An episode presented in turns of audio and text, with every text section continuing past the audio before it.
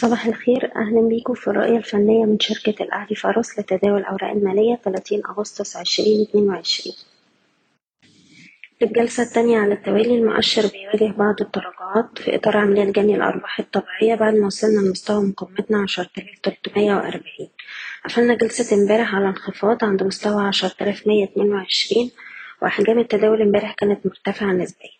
دلوقتي إحنا بقالنا سبع جلسات بنتداول أعلى مستوى الدعم عشرة آلاف وتمانين وده اللي بتاع الأسبوع اللي فات.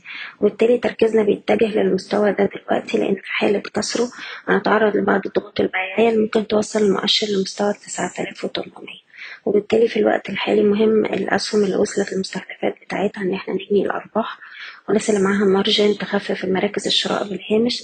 واللي مش عايز يبيع ممكن يرفع مستويات حماية الأرباح لأقرب مستويات دعم حسب كل سهم على حدة أقرب مستوى مقاومة في الوقت الحالي عند العشرة آلاف تلتمية وأربعين وده طبعا في حالة اختراقه هيفتح لنا الطريق لحد العشرة آلاف سبعمية وتمانين.